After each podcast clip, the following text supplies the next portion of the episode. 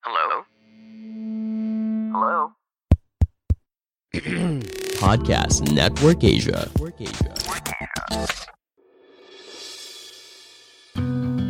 Sekarang Stoicast ID telah didukung oleh Podcast Network Asia. Buat teman-teman yang ingin mempelajari lebih lanjut tentang podcast atau kalian ingin tahu gimana caranya memonetisasi podcast, boleh banget kepoin dan ikutin media sosial Podcast Network Asia atau melalui situs web di podcastnetwork.asia. Dan untuk mempermudah proses monetisasi, daftarkan podcast kalian di podmetrics.co secara gratis. sebenarnya kalau melihat awardee gitu ya misalnya nih kayak foto estetik gitu ya di gedung di bangunan atau di spot-spot tertentu di balik itu ya kayak misalnya aku ada lima tahun ya penderitaan yang aku syukuri Oke, menarik. meskipun ya IELTS mungkin teman-teman pendengar di sini ada yang IELTS-nya 9 atau IELTS-nya 8 gitu ya. IELTS 9 udah jadi examiner ya. itu bukan berarti ketika kuliah akan mulus kayak jalan tol gitu. Wah, mohon maaf mungkin mindsetnya harus agak diubah gitu karena di balik itu pasti ada banyak sekali hal yang harus dikerjakan.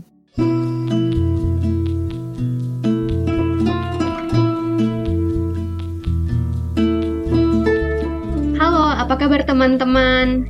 Berjumpa lagi dengan saya, Sita Putri, di episode terbaru Stoicast ID.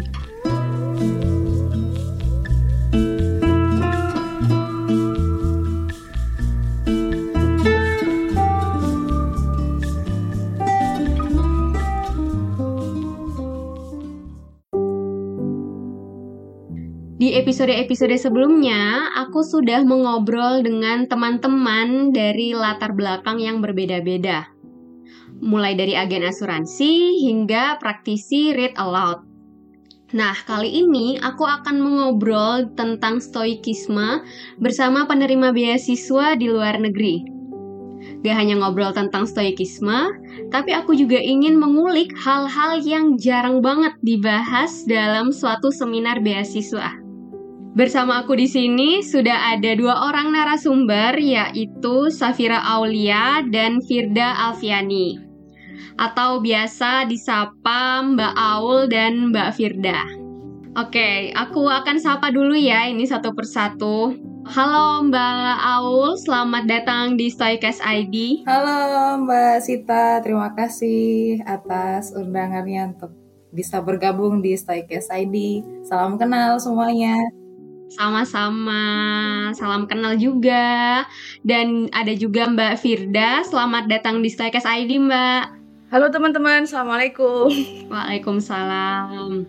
Terima kasih sudah meluangkan waktunya ya, meski ya ada perbedaan waktu karena kita semua ini eh, nggak ada di satu negara gitu ya, jadi beda-beda. Kalau aku boleh tahu nih, gimana kabarnya hari ini Mbak?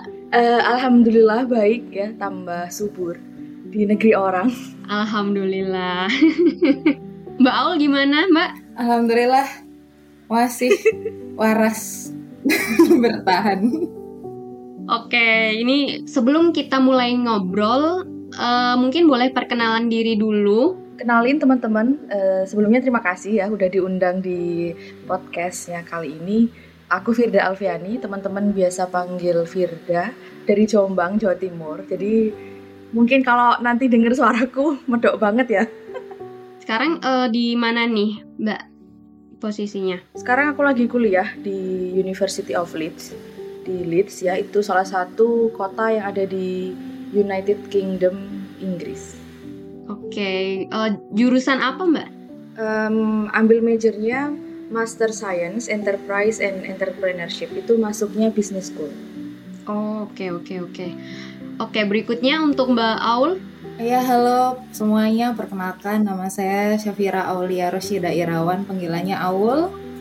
Saya asalnya dari Indonesia, oh ya of course. Saya suku Jawa, but mostly lama di Surabaya. Jadi kalau dengar suaranya medok terus cepet, mungkin ya itu khas-khas banget lah ya suara orang Surabaya. Saya sekarang lagi kuliah di Belanda di Wageningen University and Research, jurusannya Master of Science in Environmental Science. Oke, ini keren-keren banget nih narasumber kita kali ini. Semoga ya aku sendiri semoga jangan minder ya. Tapi nggak apa-apa, kita akan mengambil ilmu yang banyak dari mereka.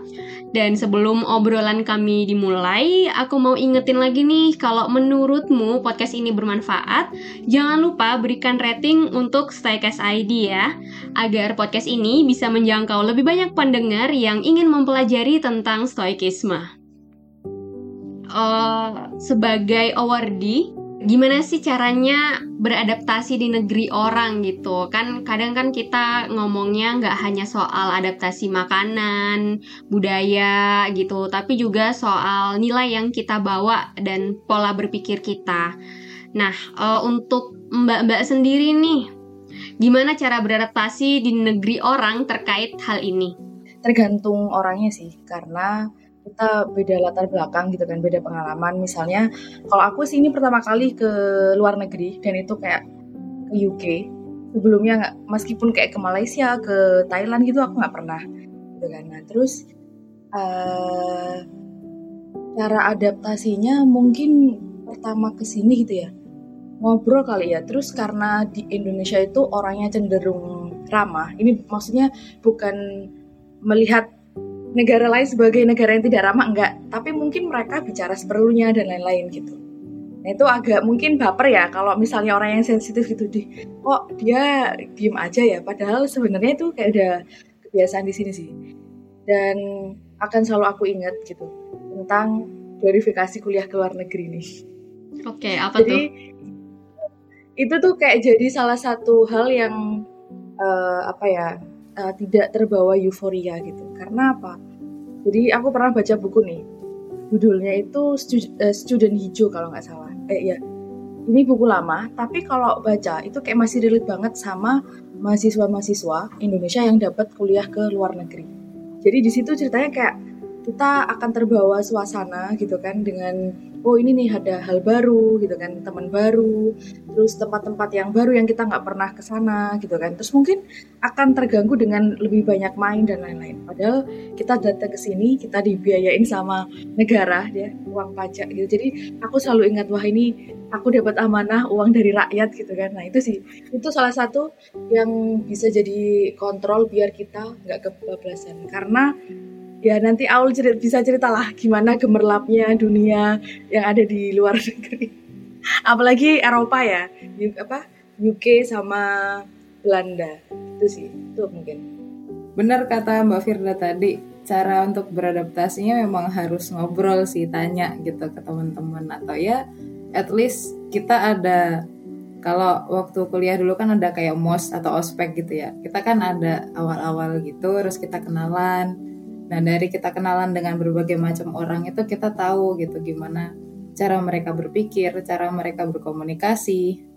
Dan ya antara kalau aku pribadi ya karena memang hidup di lingkungan orang-orang Surabaya dulunya di Indonesia yang kalau ngomong sekasar itu ya ya tahu sendiri lah orang Surabaya yang asli asli asli itu seperti apa gitu yang sebenarnya nggak kasar tapi memang mereka itu suka untuk mengatakan sesuatu dengan lugas gitu. Daripada dipendem di belakang mending diomongin aja di depan. Nah kalau di Belanda itu juga seperti itu gitu. Jadi harus clear di depan jangan ada yang disimpan-simpan di belakang. Awal-awal saya nggak ngerasa yang kaget kayak wah kok gini? gitu. Itu enggak tapi yang saya salut adalah mereka itu apa ya ngomong bener-bener seperlunya gitu nggak ada cicet yang tidak perlu yang kayak eh, gimana kabar? Ada basa basi gitu ya? gimana anaknya sih? Itu tuh nggak ada gitu. Jadi kalau awal-awal tuh sebelum meeting memang kita ada sih seperti itu tapi kayak cuman gimana? Apa apa yang bisa eh beberapa hari ini kamu ngerasa kesulitan enggak kayak gitu-gitu. Terus baru ketika TED meeting dimulai langsung ngomongin itu yang penting-penting gitu. Jadi bisa efektif. Itu sih yang paling ini ya paling kerasa gitu. Uh, kalau misalnya terkait nilai kan di Indonesia sendiri tuh kan banyak ya nilai-nilai yang lebih ke mungkin kejawen karena mbak-mbak ini kan dari suku Jawa gitu kan gitu dan mungkin pola pikir dari orang Jawa sendiri meskipun di Indonesia kan banyak ya apa sukunya tapi kan tiap suku tuh berbeda-beda kan cara pola pikirnya, kemudian uh, gimana kita membawa diri kita ke sosial apa masyarakat di sekitar kita bahkan mungkin di negara lain. Uh, ada perbedaan mendasar nggak sih ketika menjalani kehidupan sebagai mahasiswa dan juga sebagai ya uh, orang manusia pada umumnya lah gitu. Kalau misal ngomongin kayak gitu, aku sempat kaget sih. Eh bukan kaget ya, karena nggak kebiasaan. Jadi kalau kita di Indo, kita memanggil orang yang lebih tua gitu ya, atau misalnya guru kita dosen gitu dengan sebutan Pak gitu kan atau Bu gitu. Nah di sini tuh kan langsung manggil nama. Nah itu aku nggak kebiasaan cuy. kayak misal kita Uh, kalau kebetulan kampusku itu masih hib uh, hibrid, jadi 50% face to face ya, 50%-nya kita online. Nah, waktu kayak Zoom meeting gitu, biasanya uh, kita kalau misalnya tanya gitu ya, kan langsung nih, misal di ada dosenku namanya Ayla gitu. Ya udah langsung ngomong aja Ayla, tapi aku selalu masih kayak pakai uh, prof kayak kayak gitu gitu loh. Sebenarnya ya itu nggak masalah sih, tapi nanti mungkin akan kebiasaan kemudian orang di sini itu uh, sangat respect tentang pendapat kita kalau misalnya kita di Indonesia itu kan uh, kebanyakan ya apa mendengarkan orang tua gitu kan. Terus mungkin misalnya kita ketika kritis gitu atau berbeda nih pandangan orang akan melihat kita itu sebagai seseorang yang uh, pemberontak gitu ya. Anak nakal gitu lah oh kamu nggak nurut. Udahlah dengerin apa kata orang tua gitu. Kalau di sini kita tuh dituntut e, kritis di kelas jadi e, mereka ngasih kita sebuah pelatihan atau proses. Kalau misalnya nih kenapa kamu ngasih pendapat itu misalnya menurut menurutmu pendapat temanmu ada yang kayak kurang tepat atau kamu nggak sepakat ya udah ngomong aja. Dan itu tidak ada baper di antara kita gitu ya udah. Setelahnya oke okay, thank you gitu. Kalau aku nggak tahu ya Ulia kalau misalnya di sini itu orang uh, selalu respect nih kayak misal nih kita ngasih pendapat oh that's great gitu.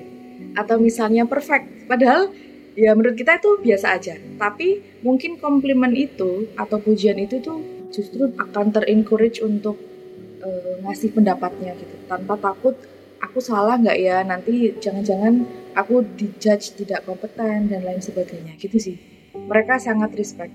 Dan kalau di Belanda orangnya straight to the point kalau di sini aku lihat misal kita awal-awal ya kayak misal mungkin nggak terlalu kenal mereka akan tanya kabar gitu. Sesimpel kamu hari ini makan siang apa? Kayak gitu. Kayak misalnya aku pakai kuteks gitu ya. Wah cantik banget ya kuteksmu kayak, kayak gitu. Jadi so sweet sih aku nggak tahu di Belanda ntar kalau di Indonesia biasanya baper gitu ya. Uh, uh, padahal itu cuma simple compliment doang. Di sini nggak beda jauh sih kalau soal nilai ya. Nilai dan budaya. Bener kata Mbak Firda tadi memang orang-orang kalau di sini mereka benar-benar menghargai pendapat atau opinion gitu. Even tuh kita di kelas misalnya dosen menjelaskan apa gitu terus ada aja gitu pertanyaan yang sama orang-orang itu kita nggak kepikiran untuk nanya itu gitu. Tapi setelah mereka nanya tuh jadi oh iya ya kenapa? Iya itu kenapa ya? gitu. Dan padahal pertanyaan itu tuh juga bagus gitu buat kita tahu atau bisa menambah wawasan kita terkait satu topik itu. Itu yang pertama. Dan yang kedua ini kerasa banget karena aku udah tahun kedua ya. Itu terasa banget mindset mereka untuk ngajarin kita soal gimana kita bisa mandiri sama urusan kita sendiri. Dalam artian gini kalau di Indo kita mostly ketika bimbingan gitu ya TA gitu bimbingan tegas akhir itu selalu dosen yang ngejar-ngejar kita kan. Kayak bener-bener ini gimana progresnya? Terus kita bimbingan pekan depan. Terus pokoknya bener-bener kayak ada peran besar dari pembimbing ke kita. Nah tapi kalau di sini mostly ketika lagi ini ya lagi master juga. Itu ya kita yang menentukan sendiri kita tuh mau bimbingan kapan kita siapnya kapan terus kita mau pakai metode apa kan kita yang nentuin sendiri. Terus kita cuma ditanya kenapa kamu pakai metode itu? Ya kita kasih justifikasinya. Terus kalau dirasa itu sudah cukup untuk menjelaskan dan masuk akal terus oh ya udah silahkan lanjutkan. Bener kayak gitu. Dan kita kalau nggak minta sidang ya nggak bakal disidang gitu. Hmm. bener-bener kayak gitu dia memang bener-bener dituntut sampai iya teman saya tuh sampai bilang ke saya gitu ya waktu awal-awal banget. Saya masih kayak ragu gini-gini dia sampai ngomong gini ini tesismu apa tesis bimbingmu sih? gitu. Sampai digituin sama dia. Ini temen loh ya sederek itu gitu ke saya. Terus saya langsung iya ya kenapa kak aku pusing banget ngurusin? Apa kata pembimbing gue? gitu. Padahal nih tesis gue juga. Dia selalu bilang Oke. gitu itu sih mostly kalau aku ya Keren-keren ya. Jadi memang ada apa ya? hmm, perbedaan tetapi antara negara yang di Belanda dan juga di UK itu sebenarnya nggak nggak jauh-jauh beda gitu karena mungkin karena masih Eropa juga ya Iya. nggak tahu nih kalau misalnya yang di US atau yang mungkin di eh, mana ya eh, Asia Timur lah gitu di Korea atau di Jepang kayak gimana kita kan nggak tahu cuma aku pengen mengulik juga nih mbak-mbak di sini mungkin udah sedikit tahu tentang stoikisme gitu ya. Apalagi yang prinsip yang paling terkenal itu kayak dikotomi kendali gitu. Kayak kita harus eh, tahu mana hal-hal yang bisa kita kontrol dan mana yang nggak bisa kita kontrol. Itu salah satunya dari ya sekian banyak prinsip yang ada dalam stoikisme. Eh, menurut narasumber sendiri nih menurut Mbak Firda dan juga Mbak Aul eh, apakah eh, menerapkan stoikisme ini yang berasal dari Eropa itu sendiri ya dari Yunani itu sangat bermanfaat gitu ketika misalnya dipraktekkan di negara yang saat ini eh, mbak-mbak ini eh, tinggal gitu. kalau dari aku soal terutama soal dikotomi kendali itu kan antara yang bisa kita kendalikan dan tidak bisa kita kendalikan itu sejauh saya ini ya sejauh saya merasakan cukup bermanfaat sih buat saya pribadi. Karena ya faktanya kita mau di Indo atau di sini juga seperti itu gitu. Banyak hal yang di dalam kendali kita dan di luar kendali kita. Dan itu yang harus mulai bisa kita bedakan. Kadang kalau di sini ya terutama kita lagi kerja kelompok aja misalnya. Terus kita udah ngajukan ide kalau ini nanti kita giniin aja sadikisnya gitu terus ada teman kita ngomong janganlah itu jelek gitu. Ya kalau orang sini kan mereka direct gitu kan ngomong jelek jelek gitu. Janganlah itu jelek. Iya. nah itu kan kadang kayak Ih, sakit banget udah mikir lagi pakai mikir bahasa Inggrisnya apa? Gitu kan. Udah ngomong susah-susah. Terus tadi komen jelek gitu. Terus ada rasa sakit hati gitu kan. Nah itu salah satu contoh atau penerapannya itu bisa di situ. Pendapat mereka ya ya itu karena itu pendapat mereka. Kita nggak bisa kontrol itu.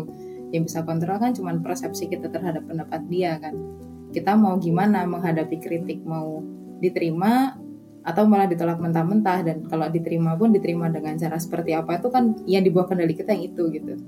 Itu sejauh ini. Dan banyak lagi ya contoh-contoh penerapannya yang bisa jadi dia hal yang lebih besar gitu. Dan itu sering banget kejadian waktu aku pribadi lagi di Belanda gitu. Oke, kalau Mbak Firda sendiri gimana nih? kebetulan ya aku datang ke sini itu agak terlambat. Jadi kayak misal masukku udah dari September, tapi aku baru nyampe Leeds itu awal November. Jadi kayak tanggal 1 gitu. Nah, itu serius. Jadi kita aku cari teman itu susah gitu kan. Karena eh, pertama ya kayak masuk kelas nih, kita dengan orang asing yang mungkin udah kenal secara online, tapi kalau ngobrol kan kayak masih mengamati gitu ya, observer gitu. Nah, ternyata aku ngelihat nih kayak beberapa bulan gitu aku amati eh, ini terkait dengan apa ya cara kita membangun hubungan gitu dengan orang lain. Eh, aku lihat nih di kelasku itu native nggak terlalu banyak ya, maksudnya yang benar-benar orang UK sendiri itu mungkin ada 3 sampai 4 orang. Kemudian ada juga teman dari US ya. Kemudian sisanya itu em, India, Indonesia cuma aku doang. Terus ada Cina sama Thailand. Bayangin aku sendiri orang Indonesia. Nah mereka pasti berkelompok nih, ya kan? Eh, teman-teman China sendiri, Thailand sendiri gitu. Nah, terus jujur ya waktu itu eh, ada rasa nggak pede gitu kan? Kan kita, aku ngerasanya dari developing country gitu kan, dari negara berkembang. Aduh temanku jangan-jangan pada pintar dan seterusnya. Itu sih aku ngerasa stres banget tuh sebelum berangkat kayak nggak layak gitulah istilahnya kayak eh, insecure. Nah bahasa gaulnya insecure nih. Oke, Gitu, terus- insecure. Nah, itu kan kayak hal negatif gitu ya. Akhirnya aku coba nih kayak eh, pertama deket dulu sama teman-teman India. Nah, terus eh, nyoba buka oh, ngobrol sama teman-teman China, Thailand dan lain-lain. Nah, kadangan kita itu punya pikiran yang eh, negatif gitu ya kayak mana ih dia kok cuek banget ya. Ternyata setelah kita ajak ngobrol itu asik orangnya. Oh emang berarti butuh ngobrol dan butuh seseorang yang mau mengawali semuanya gitu. Karena kan berarti kesimpulannya dari masing-masing orang itu apa ya kayak sungkan. Pasti ada nggak enak wah nggak enak nih kalau tiba-tiba SKSD gitu. Nah berarti emang harus apa ya mikir positif gitulah nah cuma tidak selesai di situ pertema ini ya drama pertemanan gitu. Nah eh, karena kita sibuk kan ya kayak misal karena aku orang yang mungkin ini ya kayak melihat sikap orang kayak gimana terus oh jangan-jangan nanti kayak gini kayak banyak pikiran inilah anak-anak gitu ya. Nah terus ya overthinking duluan. Overthinking duluan. Nah terus uh, ini nih aku pernah tuh kayak ngerasa aduh kok gitu ya? Aku lo pengen kayak deket menghabiskan waktu bareng kalian? Nah, terus aku mikir kayak gini daripada waktuku terkuras untuk berpikir hal-hal yang sebenarnya mungkin di masa yang akan datang itu nggak akan selalu bersamaku gitu ya. Ya mungkin sekarang ini teman-temanku tapi ya udah kamu fokus aja nih sama yang uh, akan support kamu untuk misalnya menyelesaikan kuliah ya udah kalau misalnya kamu berteman ya sama teman-teman yang emang bisa support kamu dan kayak mau ngobrol bareng gitu. Dan ternyata ini nggak cuma aku alamin temanku yang lain juga ngerasa hal yang sama. Terus aku ngobrol ke dia udah kamu nggak usah mikirin kayak mungkin dia sama kamu nggak terlalu perhatian dan lain-lain. Kita fokus aja belajar. Terus kalau misalnya mau ngobrol ya kita welcome friendly. Kayak gitu sih. Aku nggak tahu gimana ul tempatmu ul. Iya iya, mostly sama kok mbak. Yang tadi tentang fenomena teman-teman kita yang dari Asia tuh juga mesti seperti itu gitu. Dan ya fenomena menggerumbul gitu tuh juga Hmm. sama gitu, gak sering terjadian. Kadang lucunya itu ketika yang teman-teman menggerumbul mereka ngomong pakai bahasa sini kan, pakai bahasa Belanda. Mereka mikir kami nggak ngerti gitu. Padahal kita ngerti mereka ngomong apa gitu. Mereka pakai bahasa Belanda, kita tahu mereka ngomong apa. Terus waktu mereka ngomong apa gitu, terus kayak nunjuk barang yang ada di dekat kita kan kita ambilin kan Hmm. terus terus mereka ngomong oh you can understand us yeah we can actually understand the whole thing that you already said. There mereka kayak ketawa gitu. Tapi emang gitu sih orang-orang sini. Jadi sering juga ya mereka pakai bahasa Belanda gitu? Kadang ya misalnya lagi free time gitu tuh terus ya ngobrol sama mereka sama sesama orang Belanda ya ngobrol pakai bahasa Belanda sama kayak kita ketemu pakai bahasa Indonesia. Cuman yang lucunya ketika mereka tahu kita ngerti gitu. Gitu. Jadi kayak akhirnya ya jadi lucu juga ya kalau dipikir-pikir gerombol gerombol gitu tapi kita ngerti Oke, oke. Nice ya ternyata. Nah, ini aku akan lanjut ke pertanyaan berikutnya. Dan pertanyaan ini tuh mungkin jarang banget ditanyakan ketika ada seminar atau webinar yang melibatkan para awardee. Penderitaan apa sih yang sering kali dialami? Dan gimana cara eh, narasumber ini keluar dari kondisi itu? Kan banyak tuh kayak seminar tips and trik mendapatkan beasiswa. Itu tidak salah ya cuma kalau aku biasanya misal diminta untuk ngisi gitu ya aku ngom aku ngomongnya kayaknya aku nggak bisa deh bagiin tips dan trik tapi aku lebih pengen jelasin prosesnya mendaftar itu kayak gimana. Kayak mungkin bukan secara general ya tapi poin penting apa sih yang harus kita persiapkan gitu. Nah kalau misalnya teman-teman pendengar ini tahu saya itu ngejar beasiswa lima tahun. Ya dari lulus S1 saya lulus ini kelihatan umurnya. Yang sudah tidak remaja lagi. Tapi tetap ya energi muka harus tetap kelihatan. Wajib itu. Nah itu, hmm, itu tahun 2000 berapa aku lulus ya? Eh 15 tiga tiga bulan eh tiga tahun 11 bulan lah. Nah itu udah kayak pengen banget nih gitu. Terus aku punya keyakinan bahwasanya aku harus pinter bahasa Inggris dulu, ya kan baru eh, apply apply. Nah ternyata perjalanan untuk eh, dapat skor IELTS itu nggak mudah bagiku ya. Yang butuh tiga kali tes aku baru dapat skor yang eh, apa sesuai target dan each bandnya biasanya yang jadi masalah itu setiap skillnya itu loh. Kayak misal kita udah dapet lima Iya, nih. tapi ternyata ada satu skill yang cuma eh, enam ya. Padahal mintanya eh, nggak boleh di bawah 6,5 ya meskipun lainnya bagus ya ada 8, 7 tapi kalau itunya kurang ya tetap aja gitu kan. Nah itu itu sangat stressful ya sebelum aku apa berangkat kuliahnya. Nah itu. Jadi teman-teman sebenarnya kalau ngelihat uh, awardi gitu ya misalnya nih kayak foto estetik gitu ya di gedung di bangunan atau di spot-spot tertentu di balik itu ya kayak misalnya aku ada lima tahun ya penderitaan yang aku syukuri. Karena aku merasa kayak misal ya kalau mungkin aku dikasih beasiswanya gampang aku mungkin akan jadi orang yang eh, apa ya mungkin mudah untuk mengunderestimate orang lain. Ya kan kadang-kadang kita nggak terkontrol ya. Kayak misal melihat orang wah kayaknya aku lebih beruntung deh daripada dia atau aku lebih uh, apa ya enak lah daripada yang lain dan seterusnya. Terus uh, itu ya teman-teman. Jadi kuncinya sih kalau aku ternyata persisten dan orang yang cukup sabar meskipun banyak mengeluh ya. Nggak mungkin tidak mengeluh pasti. Mengeluh itu ada. Nah itu sampai ada di tahap kayak aku apa ya melihat kayak puk-puk diri sendiri gitu. Wah keren ya kamu udah sampai bertahan sejauh ini. ya mungkin orang lain eh, apa berhenti gitu ya. Tapi teman-teman yakinlah ya eh, jalan orang beda-beda terus kalau misalnya udah di sini eh, kan banyak kayak misalnya karena kita punya sosial media gitu ya ada yang komen, uh enak banget ya, aku uh, suka deh lihat uh, status snap story-nya Firda gitu-gitu, kayaknya asik ya gitu-gitu. Nah mereka tidak tahu kita, uh, aku ya kalau aku di ini ya di luar sosial media kita harus kayak bener-bener banyak baca jurnal karena uh, karena aku nggak ngerti ya nanti mungkin Sita juga bisa ceritakan lagi S2 ya di dalam negeri. Kita sebelum kelas itu emang benar-benar harus baca reading materials dan itu banyak banget full bahasa Inggris gitu kan. Nah kemudian tipenya kalau misalnya e, waktu workshop ya kalau tempatku workshop itu kita kayak emang e, diskusi selain yang kuliah utama online itu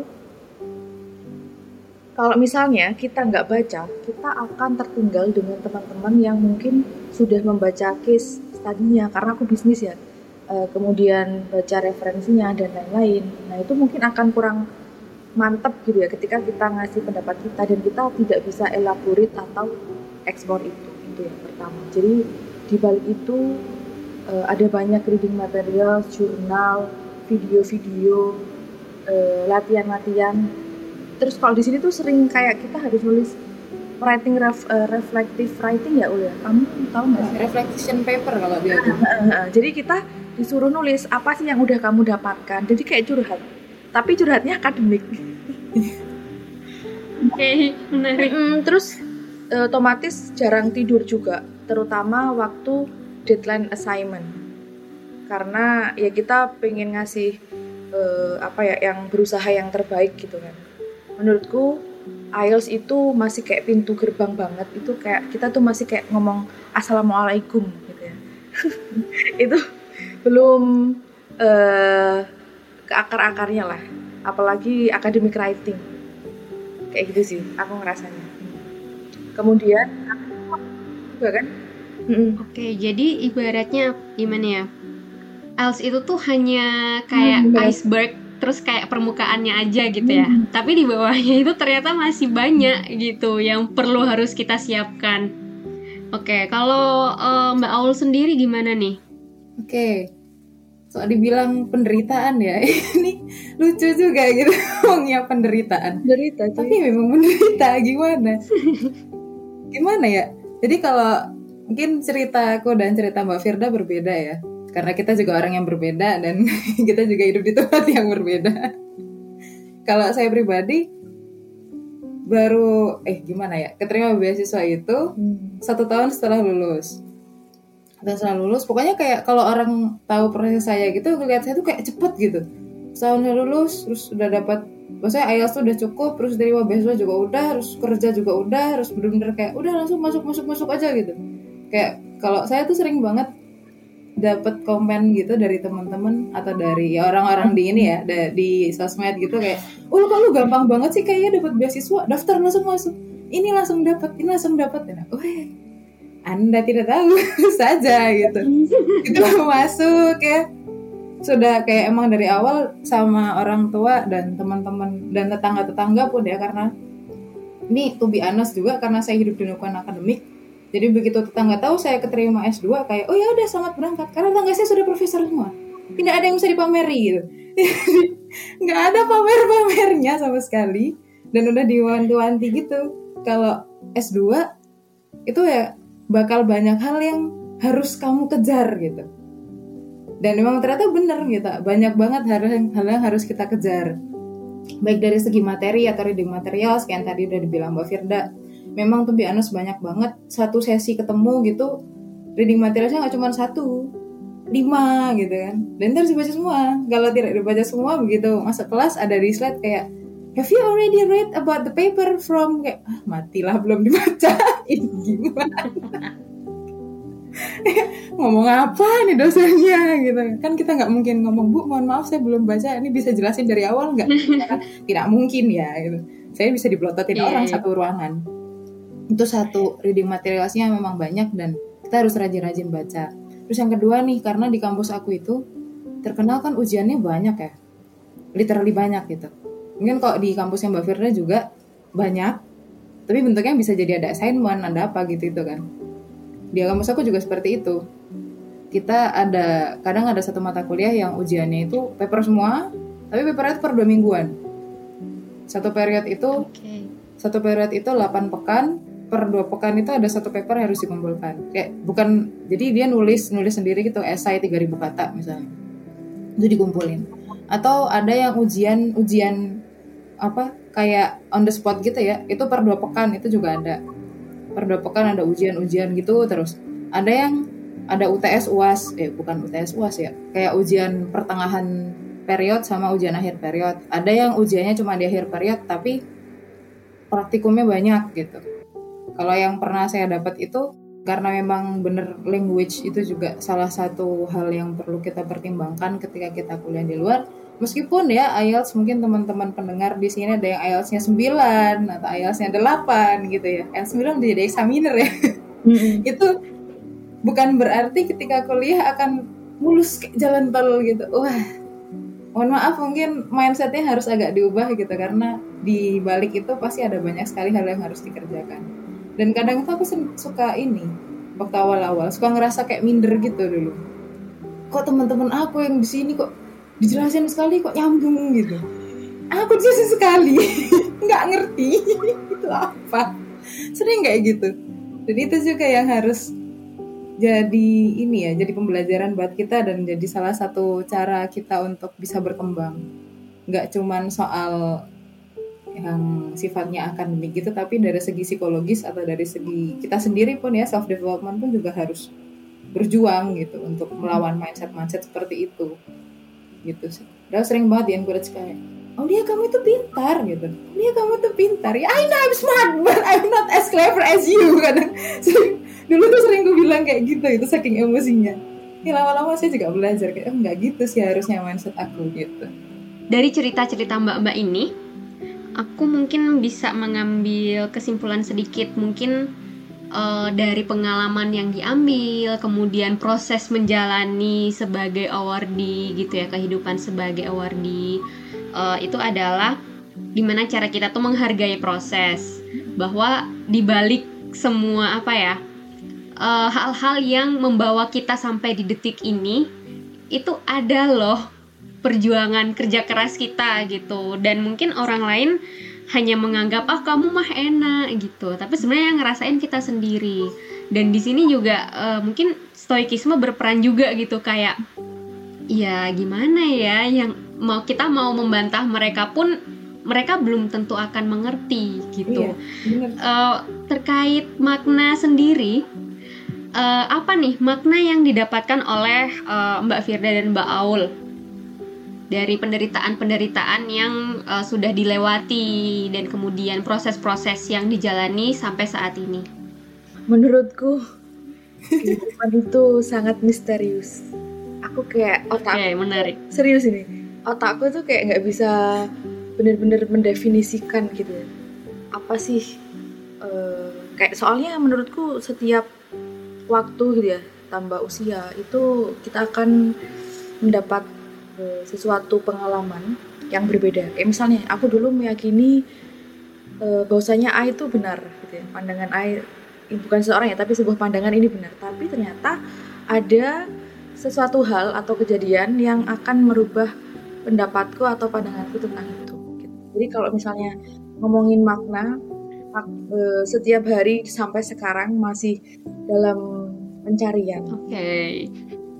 Cuma intinya kita harus berbuat baik sama orang lain sih. Eh, karena kayak gini nih, Em, aku ngerasa kayak kemarin itu sempat ada kesulitan gitu kan ya, kesulitan dan masuk di universitasku yang sekarang itu tidak mudah. Aul jadi salah satu saksinya lah ini. Karena ya mungkin proses eh, administrasi ya dari kampus eh, dan juga kar- karena secara teknis gitu hampir saja tidak diterima gitu. Nah, aku butuh ini nih kayak butuh uang gitulah. Itu nggak sedikit jumlahnya, itu sampai ratusan juta. Ya. Jadi ini bukan salah beasiswanya, tapi karena emang administrasi sistem kampusnya. Gitu.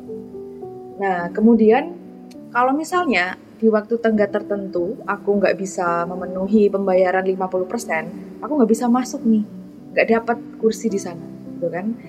Nah, karena mungkin kita harus terus ini ya berusaha, jadi di detik terakhir pun kita bisa usaha apa ya udah itu kita lakuin. Nah, terbuka nih dari aku bilang tadi ya kita kayak eh, harus berbuat baik ke orang, bukan berarti aku orang baik enggak, tapi setidaknya kita mengurangi untuk berbuat jahat ke orang.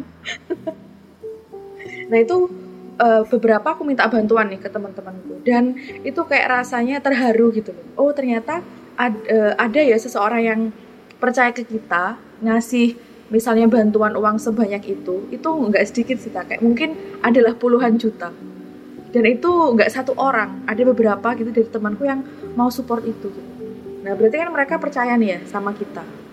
Itu sih. Jadi makanya aku bilang kehidupan ini sangat misterius atau bahkan orang yang mungkin eh, dulunya kamu anggap orang itu nggak misal nggak peduli gitu ya atau eh, kita nggak ada ikatan apa ternyata suatu saat justru orang itu yang bakalan bantuin kita gitu itu sih makanya Oke, jadi keren banget. terharu nih, terharu.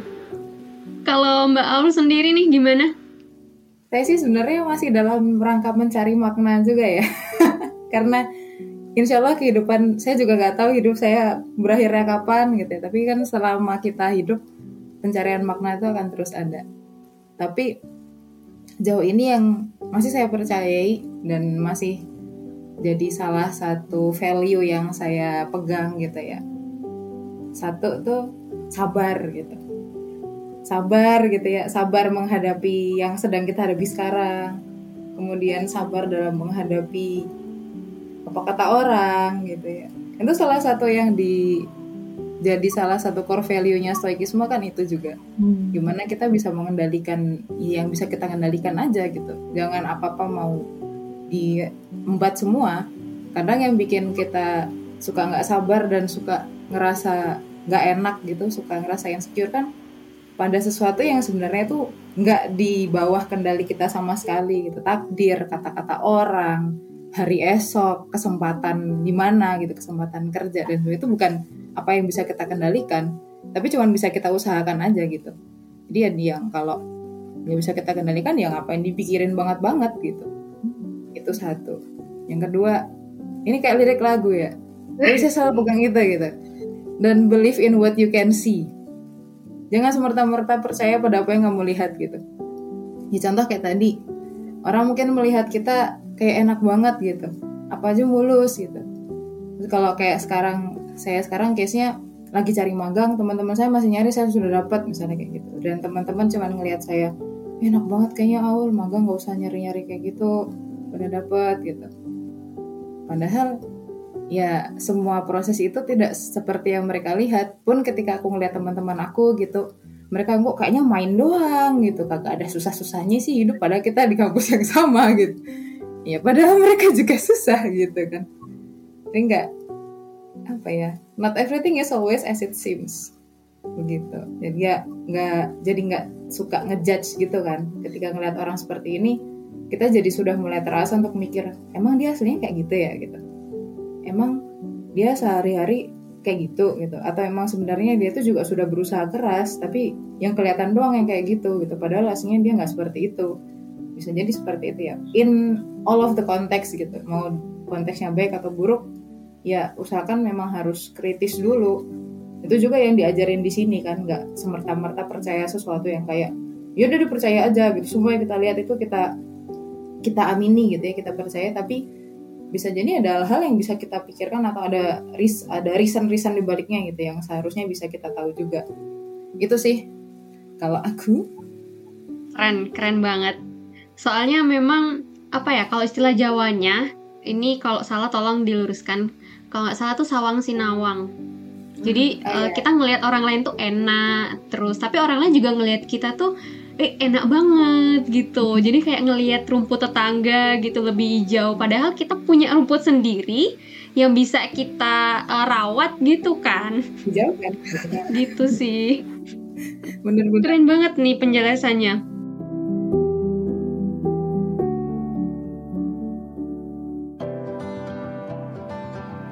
Pandangan dan opini yang disampaikan oleh kreator podcast, host, dan tamu tidak mencerminkan kebijakan resmi dan bagian dari podcast Network Asia.